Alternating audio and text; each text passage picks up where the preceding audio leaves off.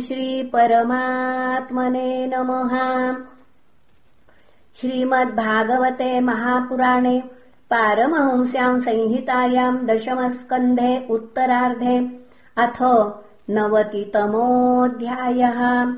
श्रीशुक उवाच सुखम् स्वपुर्याम् निवसन् द्वारकायाम् श्रियः पतिः सर्वसम्पत्समृद्धायाम् जुष्टायाम् वृष्णिपुङ्गवैः।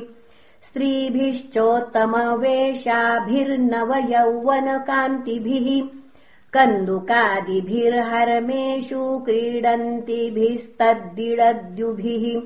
नित्यम् सङ्कुलमार्गायाम् मदच्युद्भिर्मतङ्गजैः स्वलङ्कृतैर्भटैरश्वैरथैश्च कनकोज्ज्वलैः उद्यानोपवनाढ्यायाम् पुष्पितद्रुमराजिषु निर्विशद्भृङ्गविहगैर्नादितायाम् समन्ततः।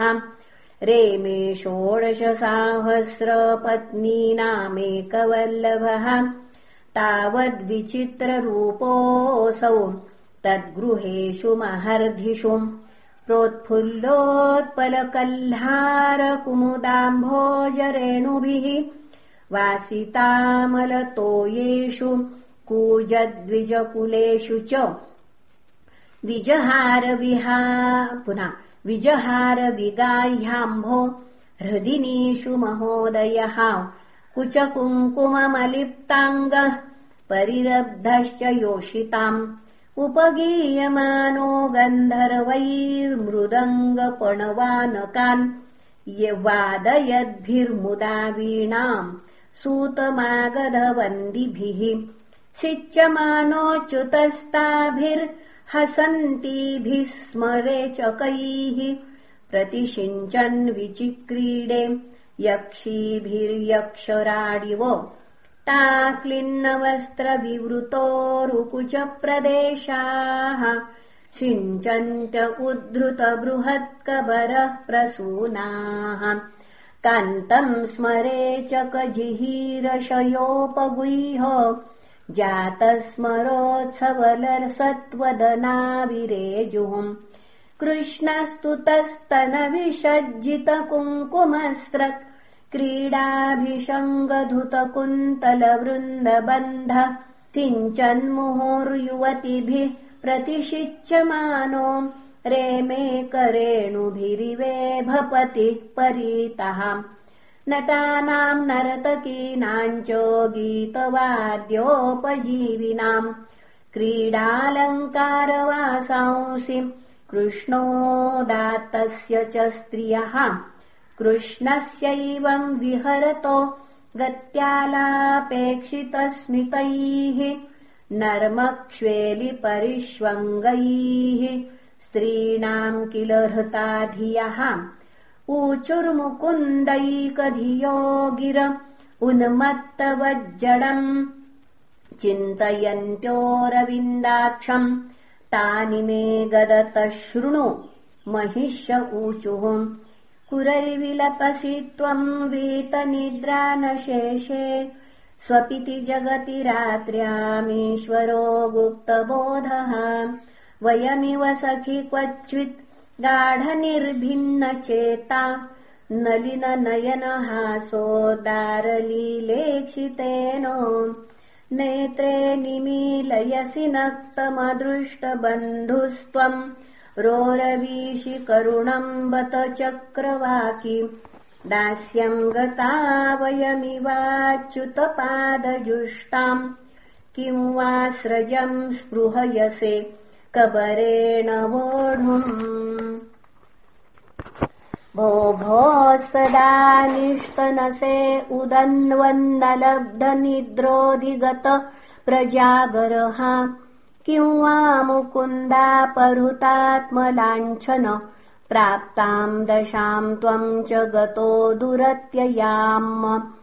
यम् त्वम् यक्ष्मणा बलवतासि गृहीत इन्दो क्षीणस्तमो न निज दीधितिभिः क्षिणोषि कच्चिन्मुकुन्दगदितानि यथा वयम् त्वम् विस्मृत्य भो स्थगितगीरुपलक्षसेनः किम् त्वाचरितमस्माभिर्मलया निलते प्रियम् गोविन्दापाङ्गनिर्भिन्ने हृदीरयसि न स्मरम् मेघश्रीमस्त्वमसि दयितो यादवेन्द्रस्य नूनम् श्रीवत्साङ्कम् वयमिव भवान् ध्यायति प्रेमबद्धः।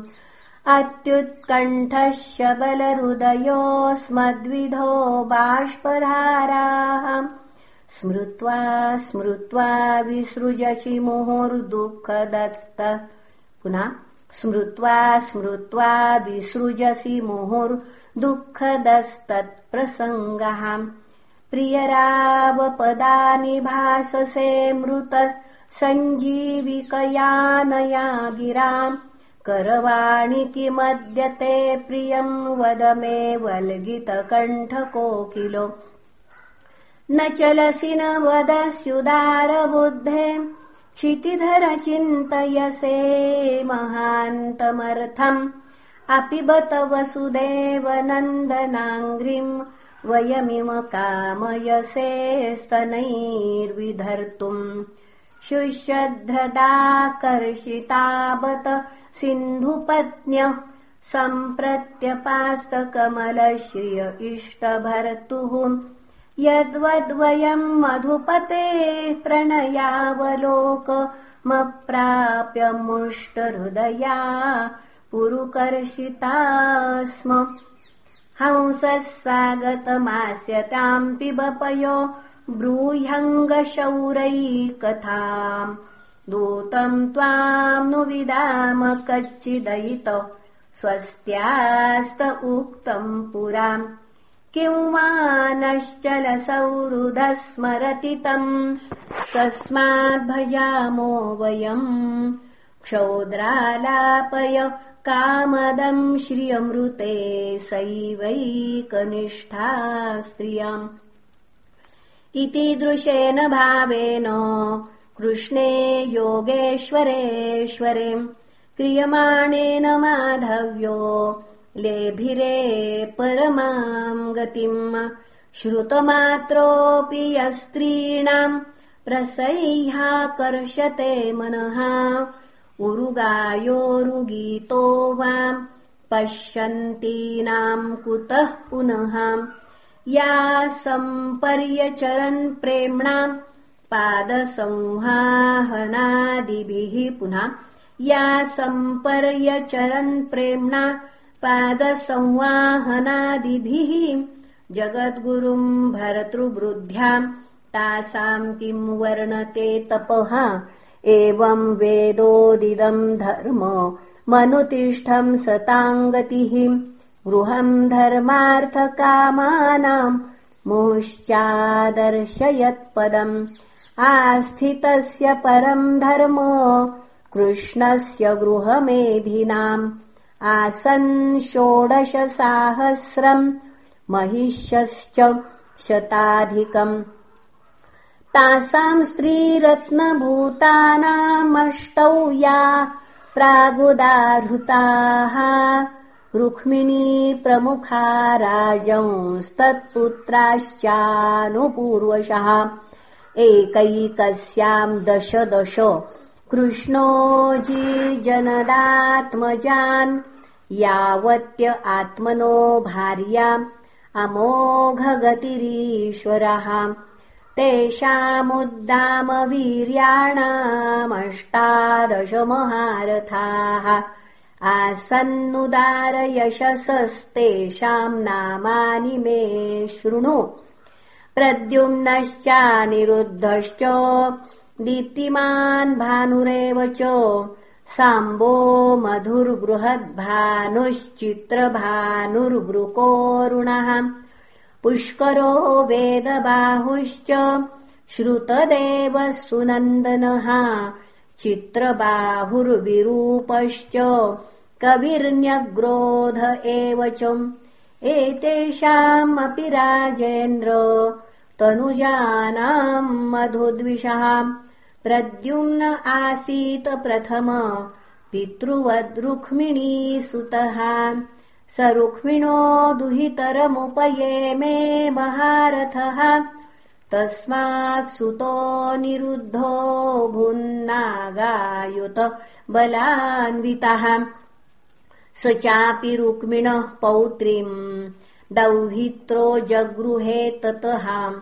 वज्रस्तस्याभवत्यस्तु मंसलादवशेषितः प्रतिबाहुरभूत्तस्मात् सुबाहुस्तस्य चात्मजः सुबाहो शान्तसेनोऽभूच्छतसेनस्तु तत्सुतः न ह्येतस्मिन् कुले जाताम् अधना अबहुप्रजाः अल्पायुषोऽल्पवीर्याश्च अब्रह्मण्याश्च जग्निरे यदुवंशप्रसूतानाम् पुंसाम् विख्यातकर्मणाम् सङ्ख्या न शक्यते कर्तुमपि वर्षायुतैर्नृप।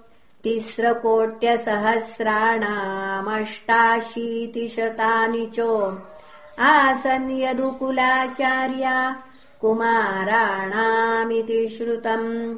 सङ्ख्यानाम् यादवानाम् कः करिष्यति महात्मनाम् यत्रायुतानामयुतलक्षणे।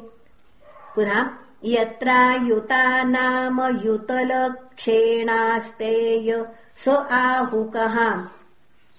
देवासुराहवता पुनः देवासुराहवहता दैतेया ये सुदारुणाः ते चोत्पन्ना मनुष्येषु प्रजादृक्ता बबाधिरे तन्निग्रहाय हरिणा प्रोक्ता देवाय दोः कुरे अवतीर्णा कुलशतम् तेषामेकाधिकम् नृप।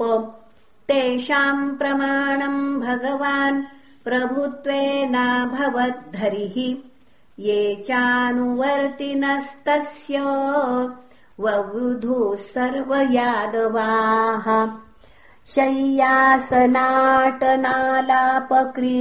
स्नानादिकर्मसु न विदुः सन्तमात्मानम् वृष्णयः कृष्णचेतसहाम् तीर्थम् चक्रे नृपोनम् यदजनियदुषु स्वसरित्पादशौचम् विद्विट्स्त्रिद्धा स्वरूपम् ययुरजितपराश्रीर्यदर्थेऽन्ययत्नः। यन्नामामङ्गलग्नम् श्रुतमथ गदितम् यत्कृतो गोत्रधर्मः कृष्णस्यैतन्न चित्रम् क्षितिभरहरणम् कालचक्रायुधस्य। जयति जयनिवासो देवकी जन्मवादो। यदुवरपर्शस्त्वयिदोभिरस्यन्न धर्मम् पुनः यदुवरपर्षत्स्वैर्दोभिरस्यन्न धर्मम् स्थिरचरवृजिनघ्नम् सुस्मितश्रीमुखेन व्रजपुरवनितानाम् वर्धयन् कामदेवम्। इत्थम् परस्य निजवरत्मरिरक्षयान्तलीलातनोस्तदनु रूपविडम्बनानि कर्माणि कर्मकषणानि यदुत्तमस्य। श्रूयादमुष्यपदयोरनुवृत्तिमिच्छन्नम् मर्त्यस्तयानुसवमेधितया मुकुन्द श्रीमत्कथा श्रवणकीर्तनचिन्तयैति। तद्धामदुस्तरकृतान्तजवापवर्गम् ग्रामाद्वनम् क्षितिभुजोऽपि ययुर्यदर्थाः।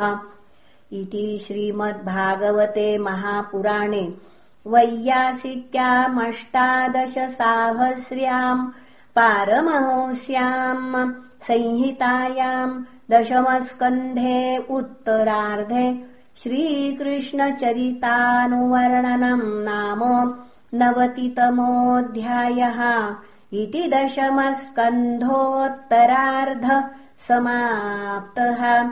हरिः ओम् तत्सत् श्रीकृष्णार्पणमस्तु। हरये नमः। हरये नमः। हरये नमः